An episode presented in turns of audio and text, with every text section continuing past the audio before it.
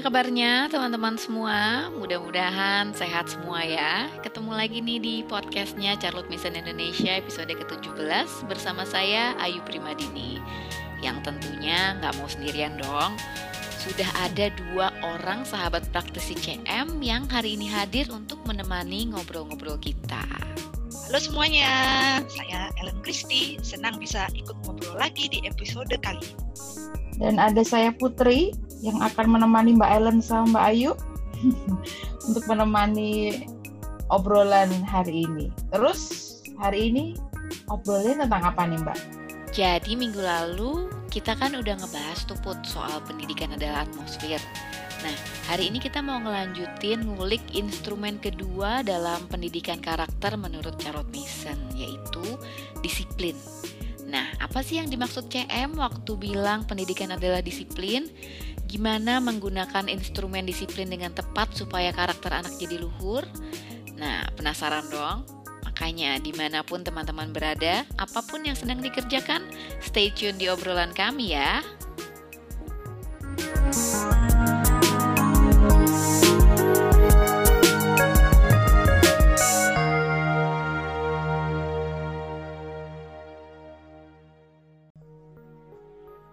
Aku tergelitik karena tadi Mbak Ayu bilang kata-kata disiplin.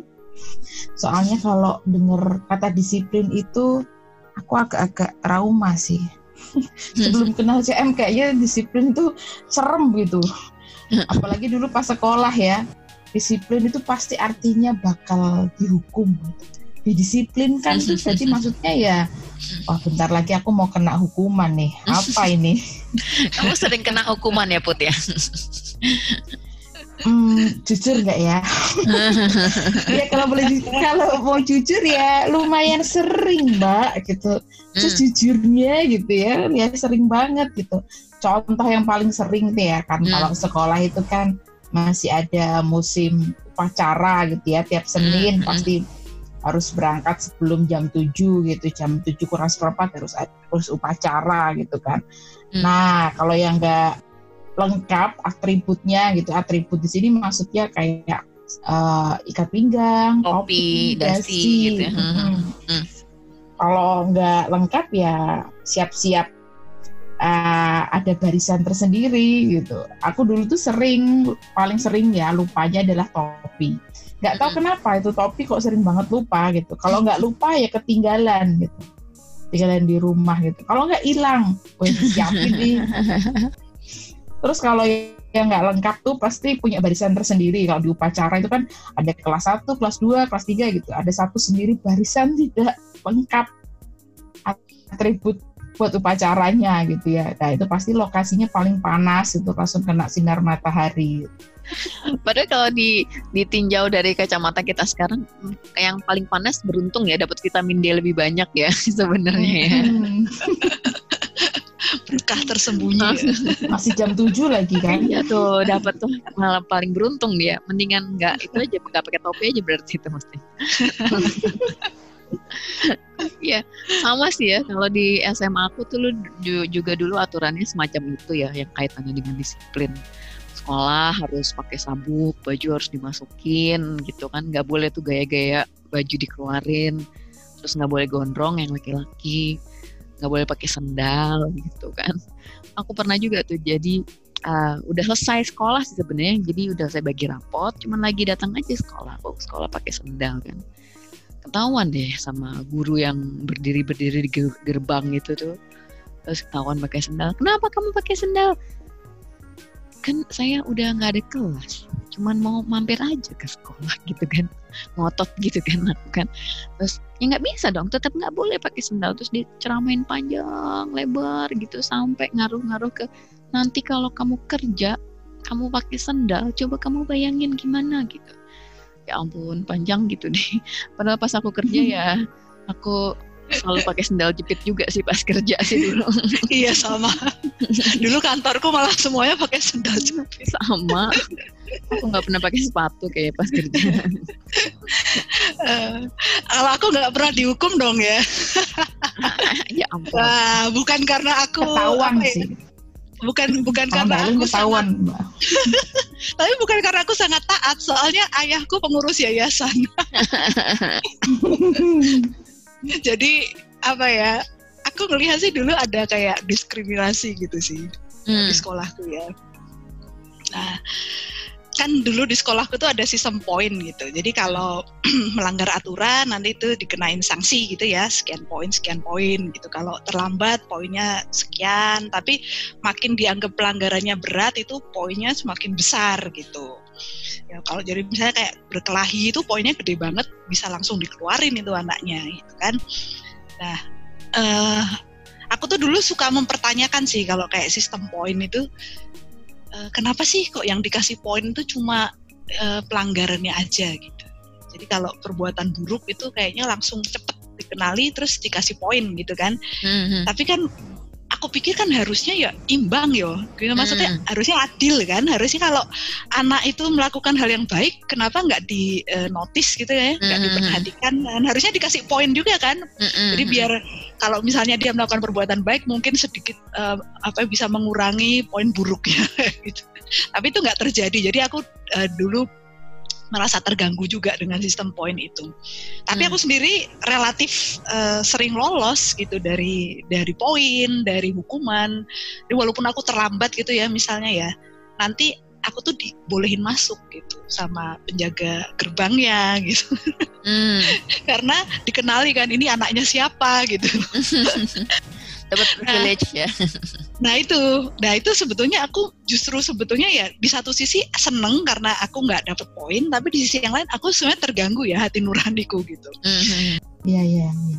Aku jadi ingat sih Mbak, dulu aku juga pas sekolah itu pernah itu ada suatu ketika kejadian ya. Anak-anak yang dianggap nakal gitu, disuruh maju ke depan pas upacara. Biasanya kan kalau setelah selesai upacara itu kan ada pengumuman-pengumuman di akhir upacara gitu ya. Itu anak-anak yang nakal dimajuin, dipanggil satu-satu, dijejer di depan, dipermalukan sama seolah-olah menasehati padahal kayaknya sih lebih ke diper- memalu, mempermalukan mereka sih. Tapi setelah kejadian itu aku lihat eh, anak-anak itu juga nggak berubah jadi anak baik gitu. Kayak gitu-gitu aja. Nggak tetap tetap nakal-nakal aja gitu. Malah kayaknya jadi malah kebal sama hukuman. Terus ngerasa bangga. Ya iyalah bangga orang dipajang di depan gitu kan jadi kelihatan semua orang. Malah tenar ya. Betul. iya terkenal kan jadinya. Hmm. jadi aku memang pikir metode hukuman kayak seperti ini tuh nggak efektif itu Hmm. untuk memperbaiki kelakuan anak. Anak iya anaknya sih mungkin di awal kelihatan nurut ya tapi kan nurutnya karena takut Kan nurut karena memang ya anaknya itu memang karakternya kayak gitu gitu. Anaknya Mm-mm, nurut mm-mm. bukan. Anaknya ka- nurut karena takut gitu supaya nggak dihukum aja sama guru-guru atau sama bapak ibunya gitu kan. Hmm. kalau nggak pas diawasi ya ya bisa kita tebak pasti. Kelakuannya berkebalikan 180 derajat seperti yang mereka tampilkan ke orang-orang dewasa itu kan Mm-mm. ya balik lagi gitu Iya memang setuju sih. Jadi memang metode hukuman itu nggak terlalu efektif ya. Karena nyatanya anak-anak yang sering dihukum malah anak-anak populer jadinya. Jadi Hmm. terkenal, jadi banyak yang naksir gitu biasanya terus kan jadinya. Kayaknya apa itu istilahnya? Kayak Dilan gitu. Heeh, kan? Jadi ah, keren gitu kalau lagi cowok gitu kan. Dulu kan sering makin sering dihukum makin banyak yang naksir. Bukannya makin ini gitu. nah iya. Tapi selain hukuman tuh ada juga yang namanya reward ya. Jadi kan reward sama punishment kan. Jadi kalau hukuman jadinya kayak Putri bilang tadi kalau reward ya pengen berbuat baik tapi karena diiming-imingi gitu kan atau di alih-alih ditakut-takuti dengan hukuman ya diiming-imingi dengan hadiah kan. Kalau nurut dibeliin es krim kalau misalnya nilai rapotnya bagus nanti dibeliin mainan gitu kan. Ah, banyak juga kan yang kayak gitu kan sistemnya sistem reward gitu. Tapi sama sih menurutku kurang efektifnya gitu. Aku bisa bilang kurang efektif aku pernah nerapin soalnya nih waktu zaman belum uh, kenal CM tentunya ya waktu zaman ngajar di TK belum nikah aku dulu kan aku pernah nerapin sistem reward kayak gitu ke murid-muridku gitu. Jadi kalau ada anak yang berbuat baik atau berbuat manis, itu aku akan kasih bintang gitu. Terus bintangnya tuh dipajang di dinding kelas gitu. Jadi di dinding kelas itu ada nama anak, terus ada bintang-bintang di sampingnya gitu.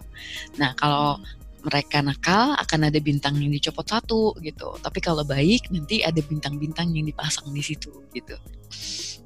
Nah, gue pikir ideku cemerlang gitu kan pada saat itu. Tapi ternyata setelah diterapkan, anak-anak itu malah menjadikan uh, reward and punishment, eh, reward bentuk bintang-bintangan itu sebagai alat eksperimen mereka gitu. Oh. Jadi mereka kerjanya uh, sengaja, mereka berbuat manis for the sake of the star gitu. Jadi cuma buat ngelihat ada bintang gitu. Wah, iya yeah, berbuat bintang. Terus nanti mereka habis kayak gitu, mereka nyoba, mereka berbuat nakal supaya bintangnya dicabut. Mereka senang juga nanti gitu kan. Karena mereka sudah tahu bagaimana caranya membuat bintang itu ditambah Tambah. dan dikurang oh. gitu. Nah, yang kacau mereka tahu nih, misalnya uh, kalau mereka habis berbuat uh, nah salah terus mereka minta maaf itu termasuk salah satu perbuatan baik yang diapresiasi dengan bintang. Kasih bintang. Gitu. Nah, terus pernah lah. Pukul dulu gitu. ya muridku dua nih ada dua nih cowok sama cowok bandel-bandel gitu. Mereka saling mukul plak gitu sorry gitu terus habis itu lapor Miss Ayu tadi dia mukul aku terus dia bilang sorry. Oh ya bagus gitu kan. Awalnya aku nggak ngeh tuh gitu kan.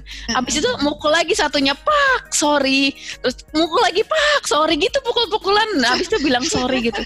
Oh oke. Okay. habis itu aku oke okay, berhenti deh ngasih bintang-bintang. Ini kayak nggak efektif nih sistem bintang-bintangan gini. Gitu jadi memang ngampaknya pada akhirnya aku di situ juga ngeliat tuh wah ini sistem reward gini memang nggak efektif juga. Jadi anak melakukan sesuatu ya kayak ngasih demi hanya demi reward itu gitu kan. Dan mereka sendiri sudah bisa mengukur apa yang bisa membuat mereka dapat reward dan apa yang bisa mereka bikin mereka nggak dapat reward gitu kan. Jadi memang dua alat ini reward and punishment salah satu alat yang sering banget ya kita pakai ya para pendidik baik orang tua maupun guru untuk bikin anak cepat nurut gitu. Nah, kalau Charlotte Mason bilang uh, sistem reward dan punishment ini sebenarnya kan terlalu fokus sama ketaatan yang ada di luar. Yang penting anak kelihatannya, kelihatannya nurut, kelihatannya rajin, kelihatannya uh, ibadahnya bagus, kelihatan sopan, nilai bagus dan seterusnya gitu kan. Nah, kelihatannya bagus saja itu kadang-kadang sudah membuat kita para pendidik ini ngerasa puas gitu. Karena uh, anggapannya kalau misalnya di luar tampak baik berarti di dalam baik juga gitu kan. juga. Padahal kan manusia ini nggak kayak hewan kan, nggak kayak uh, binatang yang perbuatan motifnya selalu selaras gitu kan. Manusia kan bisa aja nggak selaras. Dan selama motifnya itu nggak datang dari dalam, ya sifatnya pasti temporal aja gitu, dekorasi lagi kan balik-baliknya kayak hmm. gitu. Jadi nggak heran kalau misalnya akhirnya banyak kasus anaknya kelihatan baik-baik aja tapi tiba-tiba melakukan sebuah perbuatan asusila atau kriminal di mana orang tuanya baru kaget setelah tahu itu gitu. Terus mereka akan berpikir bahwa selama ini anakku baik-baik aja kenapa sekarang kayak gitu gitu. Ya baru baru sadar setelah itu. Hmm, agak telat ya mbak jadinya. Hmm, kali gitu ya. Makanya buat aku kenal CM ini mengubah banget sudut pandangku soal disiplin gitu. Kalau setelah belajar tulisan-tulisan CM ya aku tuh baru nggak Iya iya, disiplin itu kan intinya nggak ngasih hukuman, nggak ngasih hadiah aja gitu ya. Tapi soal membangun kebiasaan baik anak, ya satu demi satu gitu kan dibangun kebiasaannya. Terus ukuran keberhasilan anak itu ukuran keberhasilan disiplin itu bukan dari seberapa banyak reward yang didapat gitu ya, mm -mm. tapi apakah bisa anak itu mengerjakan kebiasaan-kebiasaan baik itu tanpa kita awasi gitu ya. Terus kayaknya otomatis gitu loh kalau ada atau tidaknya kita, ada tidak adanya guru ya otomatis anak berkelakuan seperti itu gitu. Makanya aku hmm. cocok hmm. banget sama pemahaman ini gitu. Uh kalau dipikir-pikir kan kita mau sampai kapan sih nemenin anak gitu? Bisa ngawasin 24 jam gitu ya. Kayak masih bayi atau masih balita itu kan mesti kita awasin 24 jam gitu. Tapi kalau udah gede gitu ya mereka pasti kan ya kepengen main sendiri gitu pengen bergaul sama temennya gitu. Apa masih bisa kita ngawasin gitu sih? Terus apalagi kalau udah gede udah nikah gitu ya masa kita tiba-tiba telepon nah udah makan belum? Kan ya nggak mungkin gitu ya. Ayo bangun bangun gitu. Iya. Kamu tadi kamu tadi bangun jam berapa? Ayo bangun bangun gitu. Nggak lucu ya udah nikah gitu diketawain sama istrinya lah. Tapi emang enak banget ya kalau anak udah terbiasa melakukan hal-hal yang benar ya. Kalau kata CM tuh hidup jadi uh, nyaman dan mudah gitu hidup ibunya, smooth and easy day gitu kan dia bilang. Jadi kita orang tuanya nggak repot gitu rasanya kan. Kayak misalnya tuh waktu itu uh, anakku yang gede kan, dia harus nganterin orang tuanya uh, suamiku untuk pergi berobat kan kebetulan uh, lagi sakit, terus harus jalan dengan kursi roda, tapi kemarin lagi nyoba nggak pakai kursi roda gitu.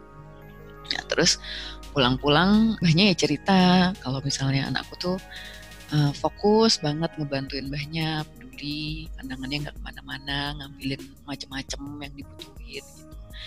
Padahal ya kan nggak ada aku ya yang nyuruh ini, nyuruh itu gitu. Tapi ya senang sih karena kan wah berarti nggak ada aku kebiasaannya fokus, terus rasa empatinya juga sudah tumbuh gitu. Terus di rumah juga misalnya ada piring-piring bergeletakan udah otomatis nyuci habis bangun tidur juga otomatis bangun beresin tempat tidur gitu kan.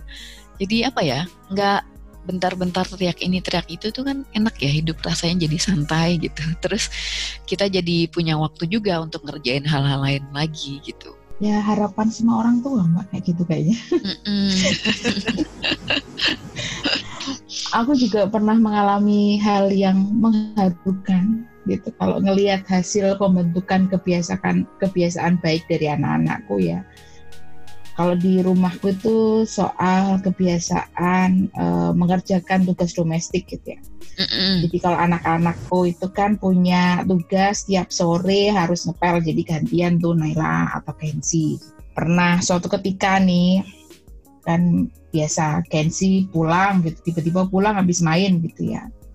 Terus temennya tanya, "Kamu ngapain?" gitu. "Aku mau ngepel." gitu. Terus temennya ngocok-ngocoki gitu bilang ngapain ngepel? gitu ya. Kan kalau ngepel itu kan tugas orang tua tugas kita itu ya belajar aja gitu. Terus uh, Kenzi bilang bundaku kan udah ngerjain yang lain. Denger itu tuh rasanya nyes gitu kan. Bisa Manis jawab banget ya. itu. hmm, gitu. Ya. Cuma kalau mendengar cerita-cerita itu kan rasanya enak banget, manis banget gitu ya. Nah, teman-teman pendengar nih perlu diingatkan bahwa hasil yang seperti itu nggak instan ya, bener nggak? betul. Soalnya terus kadang-kadang ekspektasinya terlalu tinggi. Aku pengen anakku langsung bisa melakukan yang baik tanpa harus aku awasi. Nah, itu terus jadinya akhirnya kalau nggak anaknya tahapnya belum bisa sampai ke situ akhirnya punishment lagi panik ya gitu kan Uh, uh, soalnya kadang-kadang tuh menjebak juga sih ekspektasi yang terlalu tinggi. Jadi kalau kita udah sadar bahwa uh, anak itu butuh proses gitu ya untuk bisa mengembangkan kebiasaan baik. Jadi kalau misalnya anak itu kelihatan nggak maju-maju dan nggak maju-maju itu kan artinya tidak maju secepat kemauan ibunya gitu kan, tidak atau secepat kemauan bapaknya. Jadi nggak perlu senewen gitu loh, karena kalau udah senewen ekspektasinya merasa nggak kenapa kok kamu belum bisa? Kenapa nggak bisa seperti situ? Misalnya kayak gitu kan. Nanti ujung-ujungnya pasti pakai teknik disiplinnya yang buruk lagi gitu yang bentak yang ceramah yang omel mukul dan seterusnya gitu. Nah itu akan kontraproduktif dengan proses pembentukan kebiasaan baiknya. Karena sebetulnya segala macam kekerasan baik fisik maupun verbal yang dilakukan oleh orang tua itu justru adalah wujud dari ketidakmampuan orang tua mendisiplin dirinya sendiri. Hmm. Pernah di bukunya Scott Peck kan dia mengistilahkannya itu undisciplined disiplin. Jadi mau menegakkan disiplin ke anak dengan cara yang tidak disiplin kan kita tidak bisa mendisiplin emosi kita tidak bisa mendisiplin uh, respon in, impulsif kita itu kan berarti kita nggak disiplin kan gitu mm -hmm. nah kalau orang tuanya aja lepas kendali uh, disiplin diri orang tua lemah lah bagaimana gitu mau membantu anak jadi disiplin karena nantinya uh, anak tetap aja nurutnya karena takut gitu bukan karena tahu bahwa ini sesuatu yang benar dilakukan dan menjadi kebiasaannya gitu. jadi kalau kita balik lagi ke kata-kata CM mau mendidik anak secara efektif dan menerapkan disiplin ini kita mesti punya modal pengetahuan dasar fisiologis dan psikologis. Itu udah hmm. wajib lah pokoknya. Untuk melatih kebiasaan baik ya CM menekankan kita mesti belajar terutama ilmu tentang otak. Karena kalau sudah paham cara kerja otak bagaimana kita nanti bisa lebih membantu anak kita membangun kebiasaan baiknya. Betul betul. Memang proses orang tua belajar ini penting banget ya. Jadi bukan sekedar menjalankan apa yang sudah dia dapatkan dari nenek moyangnya dulu gitu sesuai tradisi gitu kan. Pokoknya kalau anak salah ya dihukum itu kan tradisi ya sebenarnya. Tapi kita masih belajar juga sebenarnya gimana sih cara terbaik dalam mendisiplinkan anak gitu misalnya kan. Bagaimana proses kerja otak, bagaimana secara psikologis anak kalau diginiin gitu misalnya ya karena belajar itu ya sebenarnya wujud cinta kita terhadap anak-anak kita ya gitu. karena dalam mendidik kan kita tidak hanya butuh cinta tapi kita juga butuh proses belajar itu sendiri ya. Cinta yang berpikir gitu. Kalau kata judul bukunya Mbak Ellen kan. Ya kan? Kita kita mesti buktiin ke bahwa cinta kita ke anak ini harus terus nambah seiring dengan pengetahuan kita yang juga terus bertambah gitu. Jadi dengan pengetahuan yang bertambah akhirnya cara yang kita pakai jadi cara yang tepat gitu, bukan cara yang asal-asalan atau yang ngawur gitu. Nah, habis ini kita lanjut ya di segmen kedua untuk ngobrolin soal pengetahuan apa sih yang mesti kita miliki supaya berhasil dalam proses mendisiplinkan anak atau proses yang biasanya disebut dalam metode CM ini habit training. Nah, habit training seperti apa yang bisa berhasil dalam mendidik karakter anak?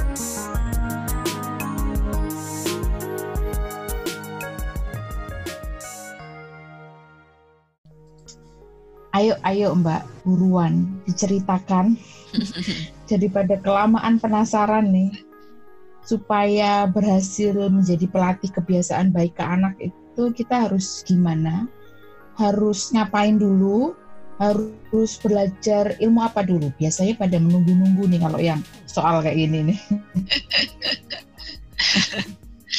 ya, jadi karena tadi kita bicara tentang uh, anjuran CM untuk belajar ilmu tentang otak ya, dan ternyata setelah aku menjalankan saran CM itu sangat sangat uh, betul sekali. Jadi nomor satu kita sebagai orang tua mesti paham dulu bahwa otak manusia itu sifatnya plastis. Plastis itu berarti bisa dibentuk-bentuk gitu ya. Neuroplasticity istilahnya. Jadi otak kita saat kita bangun tadi pagi itu nggak akan sama konfigurasinya dengan otak kita saat nanti malam kita tidur. Jadi otak itu selalu berubah terus gitu. Semua kegiatan dan pengalaman kita sepanjang hari akan mengubah bagian mana dari otak kita yang diperkuat, mana yang diperlemah gitu. Karena salah satu hukum dasar dalam kerja otak itu namanya use it or lose it. Jadi kalau semakin sering dipakai, rutin, diulang-ulang gitu kan, pemakaiannya maka dia semakin kuat. Tapi kalau semakin jarang dipakai apalagi nggak pernah dipakai maka uh, itu akan melemah bahkan bahkan hilang pudar gitu ya susunan syaraf yang membantu kita melakukan tugas itu. Jadi di sini uh, orang tuh harus memahami dulu bahwa kebiasaan itu tercipta dari pengulangan jadi kalau kita rutin mengulang-ulang sesuatu, maka syaraf dan jaringan antar syaraf di otak yang mengurusinya akan terus hidup dan makin kuat. Tapi kalau kita lama gitu ya, misalnya nggak melakukan yang dulunya kita bisa gitu, nanti akan bisa lupa gitu, atau malah kagok waktu melakukannya, atau bahkan bisa hilang sama sekali gitu. Nah ini contohnya ya, uh, aku sejak kecil mengulang-ulang terus kegiatan membaca, kegiatan berbahasa itu. Jadi uh, setiap ada waktu luang aku membaca. Tidak pernah tiada hari tanpa membaca. Apalagi zaman dulu kan TV nggak kayak sekarang ya. Kalau TV itu dulu kan adanya cuma TVRI itu. Jadi yang programnya cuma ada di malam hari dan programnya juga nggak menarik buat anak-anak. Jadi ya bacaan menjadi sumber hiburan utama kalau aku zaman dulu. Nah, dampaknya adalah otot membaca dalam tanda kutip ya ototnya ya. Uh, kemampuan membaca di otakku, kebiasaan membaca itu jadi sangat kuat. Gitu. Akhirnya uh, itu sangat membantu ketika kita melihat bacaan apa pun. Ketika aku membaca, aku bisa membacanya dengan cepat karena sangat terlatih untuk membaca. Mm -hmm. Tapi tiap orang tuh mesti punya kok skill yang apa ya berkembang dalam dirinya. Karena kan mesti dalam kehidupan ini ada kan kegiatan yang kita ulang terus menerus. Mm-hmm. Walaupun itu, termasuk marah-marah itu uh, marah-marah itu suatu bentuk skill ya. kita udah bisa melakukannya secara otomatis ya otomatis itu kan nggak usah dipikir gitu. pokoknya sesuatu yang bisa kita kerjakan secara otomatis itu berarti itu berarti keterampilannya udah terbentuk di otak kita itu. Jadi misalnya uh, melihat kekurangan orang lain, itu juga suatu skill ya. Uh, Karena saking seringnya kita ulang-ulang, jadinya terus otomatis kita akan cepat melihat kekurangan orang lain. Tapi kalau kita mau melatih dari dulu terbiasa melatih melihat kebaikan orang lain, sisi positif orang lain, itu juga akan jadi skill. Aku yang heran tuh dulu satu saudaraku ya kerja di pabrik makan ternak itu hmm. kerjaannya kan menyortir setoran jagung gitu kan dari supplier. Nah, dia itu bisa uh, dengan menendang karung jagungnya tuh ya, duduk gitu misalnya, dia tuh udah langsung tahu ini isinya jagung semua, apa ada campuran batunya atau apa? Tuh dia udah langsung tahu hanya menendang karung gitu. Itu aku wow. harus apa ya menyembah dulu. sangat uh, kedengeran dari bunyinya ya bunyinya tuh. Hanya dengan bunyinya aja gitu. Iya iya iya. Itu jadi inget dokter kandunganku dulu gitu kan. Dia juga jarang banget pakai USG karena dia bilang saya lebih percaya tangan saya daripada alat gitu nah terus dia tuh bisa loh misalnya lihat uh, pegang doang nih pegang perut doang tuh dia bisa nebak oh ini posisi bayinya begini lagi ada oh, tali uh, ususnya melilit terus udah gitu beratnya segini berat gitu. Jadi pas aku mau wow. lahiran itu dulu dua hari sebelum lahiran dia bilang, oh bayinya beratnya 2,9. Dua hari kemudian lahir bener beratnya segitu. Jadi wah aku megang pepaya aja belum tahu beratnya berapa gitu. Padahal pepaya jelas-jelas aku pegang gitu. Aku nggak tahu beratnya berapa. Kenapa ya? Bayi di dalam perut dia tahu beratnya berapa. Keren sih dokternya mbak pakai tangan meter.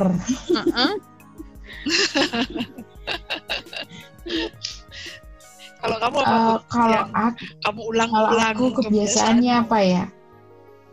Apa ya? Kalau aku kebiasaannya paling mungkin yang terasa sampai sekarang ke bawah sampai sekarang itu suka berorganisasi terus mungkin bisa dibilang gampang bergaul gitu ya. Ya ini nggak lepas dari bapak ibuku sih bapakku tuh dulu suka banget uh, dari dulu ya aktif di organisasi sampai akhir hayatnya gitu ya. Di organisasi keagamaan. Terus ibuku juga dulu itu sebagai guru itu juga aktif di organisasi keguruan gitu. Jadi walaupun sesibuk itu orang tuaku juga masih sempet tuh keruntelan sama anak-anaknya, terbiasa saling cerita, terbiasa saling curhat gitu. Jadi mungkin ya aku jadi ngobrol, terus gampang bergaul, gampang dekat sama orang itu ya karena kebiasaan-kebiasaan yang dibawa sama orang tuaku gitu. Jadi terbiasa. Jadi kalau ketemu orang baru nggak bingung gitu ya, Put harus kalau ketemu orang baru nggak bingung iya. harus ngajak omong apa dulu nggak perlu mikir iya, yang kan sampai ada oh, ya. gitu kan uh -uh. Mm, betul kan kalau ketemu orang baru kadang-kadang kan awkward gitu ya mm mau ngomong apa ini kalau dirimu nggak ya jadi ya udah langsung gitu ya Iya, kayaknya sih gitu sih Mbak. Aku merasa malu -malu. seperti itu. Gak tahu malu gitu. Ya. Malu-maluin malahan Mbak. Iya. Tapi aku setuju sih memang ya uh, kebiasaan yang dilatihkan orang tua kita dari kecil ini ngaruh banget ke karakter kita hari ini ya. Jadi uh, kebiasaan ini bukan melulu yang sifatnya fisik tapi juga kebiasaan moral, kebiasaan mental gitu. Kayak tadi kan Putri kebiasaan menghadapi orang gitu kan kebiasaan mental ya atau kebiasaan intelektual kayak Mbak Ellen tadi misalnya baca gitu kan. Jadi apa pun yang dilatihkan orang tua itu ya ngaruh ke kita meski orang tuanya itu nggak sadar kalau dia sedang melatihkan suatu kebiasaan ke anaknya ya. Contoh nih misalnya kayak aku dulu waktu masih kecil cuman sering dibiasain aja sikat gigi gitu kan. Mau tidur sikat gigi cuci tangan cuci kaki. Mungkin dari bayi ya mamaku ngebiasain kayak gitu kan. Terus agak gedean dikit cuman sekedar ditanya udah sikat gigi belum? gitu kalau mau tidur kan. Nah, tapi ya kebawa terus sampai sekarang gitu kan. Jadi kebiasaan kalau mau tidur itu kalau nggak sikat gigi ya nggak bisa tidur nah kalau kepikir-pikir pada saat itu kan mamaku cuman melakukan hal yang mungkin sudah biasa dia lakukan juga gitu kan. Nah, dia nggak sadar apakah sebenarnya itu melakukan melatih sedang melatih kebiasaan atau enggak gitu. Nah, hukum kebiasaan ini bisa punya nilai positif dan juga bisa punya nilai negatif ya. Hal-hal yang nggak dibiasakan juga jadi nggak ahli gitu kan.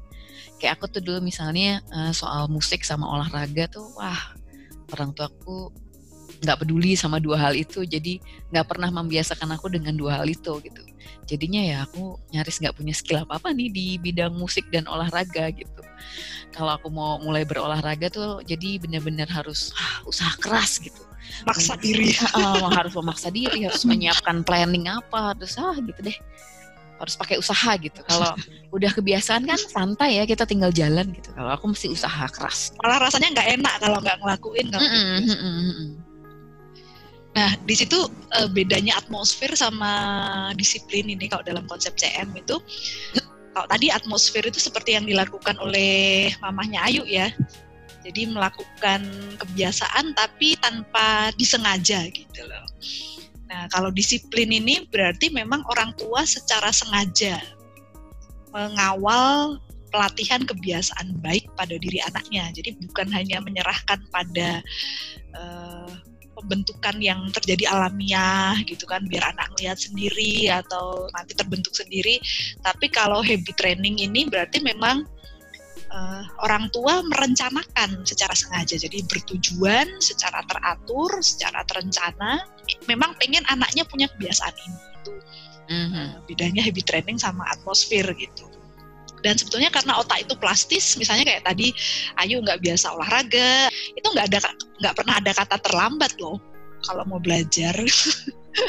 Karena sampai tua pun asal punya niat dan tekun gitu kita tetap selalu bisa menguasai hal baru karena otak itu bisa berubah.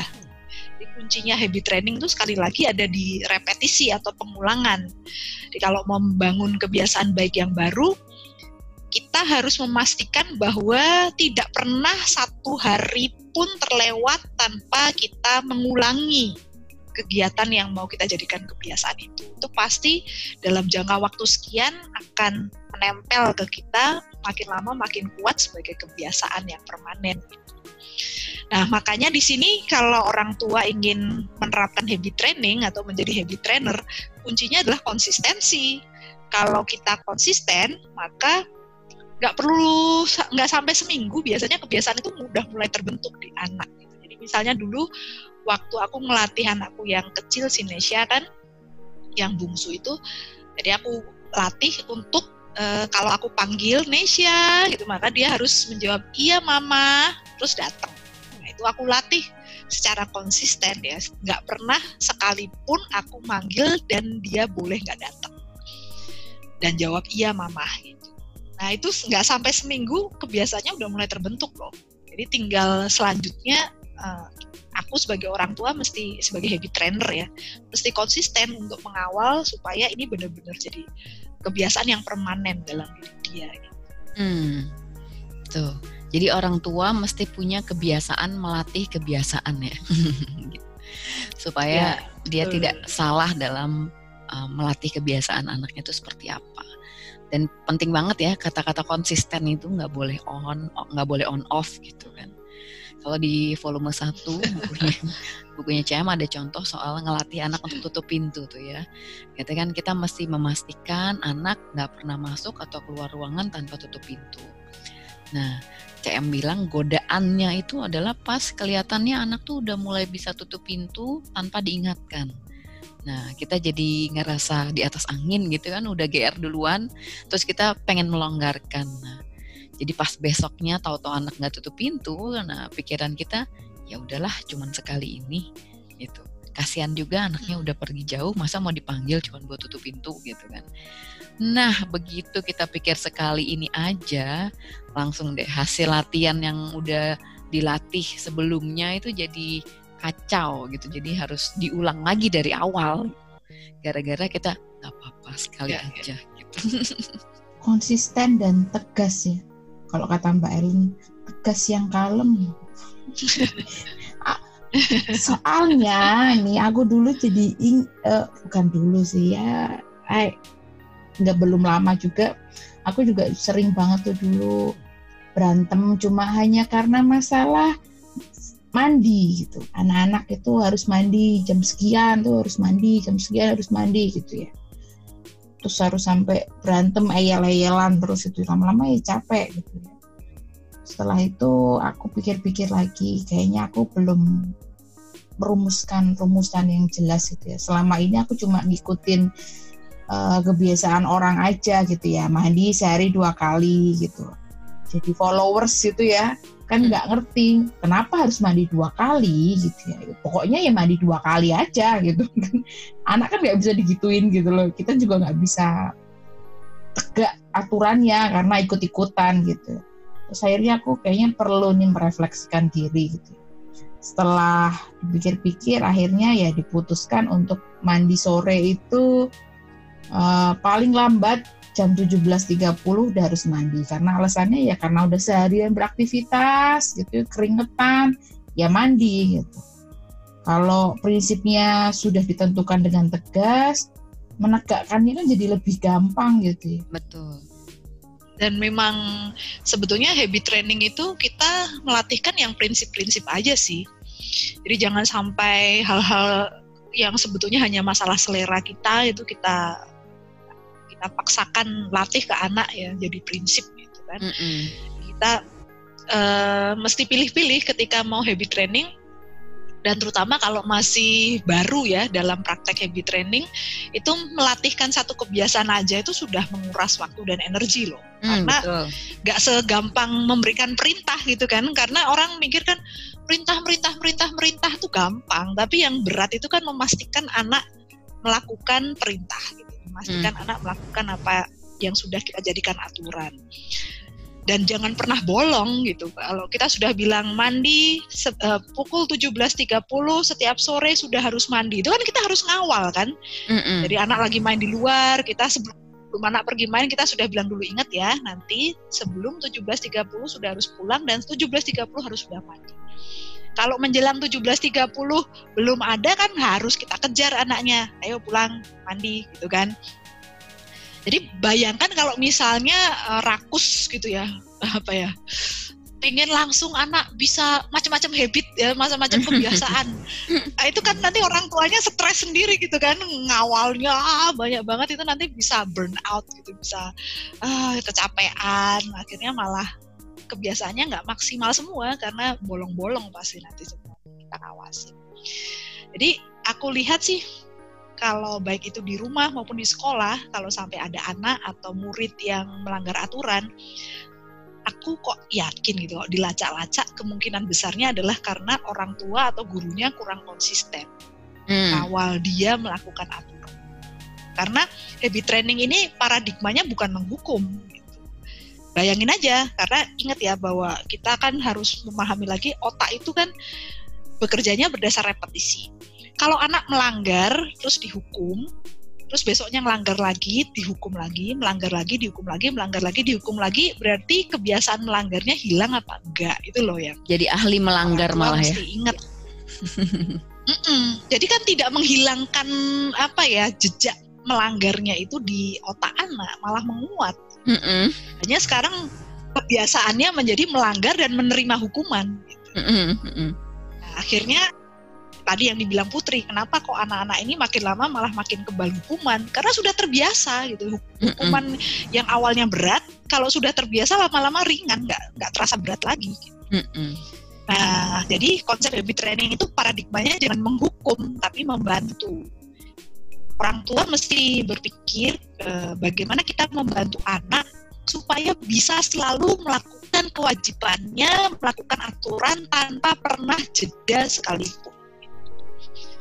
Nah itu malah justru jangan sampai anak pernah melanggar, apalagi sampai dihukum. Itu harusnya yang kita upayakan itu. Jadi sifatnya lebih ke preventif, mencegah anak melanggar. Jadi kalau misalnya kayak Putri gitu ya dulu kasusnya sering lupa bawa topi pas upacara. Kalau misalnya uh, sekolahnya itu menerapkan konsep habit training, maka yang dilakukan bukan kalau nggak bawa topi disuruh baris di tempat yang panas gitu. Kan nanti dia akan jadi kebiasaan nggak bawa topi nggak usah disuruh langsung akan pergi ke barisan yang panas gitu.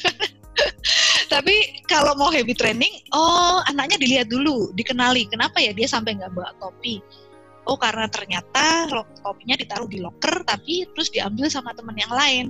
Berarti gurunya harus mencarikan solusi gimana caranya supaya topi-topi itu bisa tersimpan di sekolah dan tidak mungkin diambil oleh yang lain. Jadi anak nggak mungkin nggak punya topi pas upacara. Gitu. Nah itu eh, contoh uh, konsep habit training ketika diterapkan di dalam uh, kehidupan bersekolah dan di rumah pun kurang lebih caranya seperti itu. Mm -mm, betul. Jadi emang harus punya solusi ya, punya sistem ya. Kalau misalnya ada kasus uh, begini, kasus nggak nggak bawa topi, berarti sistem apa yang harus diterapkan supaya anak-anak itu tidak melakukan hal itu. Di rumah juga gitu, misalnya anak naruh barang sembarangan, berarti ada sistem apa yang diterapkan biar anak nggak naruh barang sembarangan gitu entah itu nah, setiap barang punya raknya atau gimana gitu kan jadi ketika ada sistem proses ngebantu kita juga jadi lebih gampang ya Nah, tapi masalahnya untuk bikin sistem, untuk mencari solusi gitu kan kadang-kadang ya gitu. males gitu banyak orang tua atau guru jadinya males karena kan aduh yang cepet itu tinggal nyuruh aja lah gitu. Nyuruh kan cepet ya gitu. Nah, kalau udah kayak gitu kalau harus juga cepet. Nah, kalau harus menciptakan solusi, menciptakan sistem gitu kan ya susah gitu kayaknya. Iya, betul. Nah, tapi malah itu kelirunya di situ sih merasa bahwa menciptakan sistem itu berat.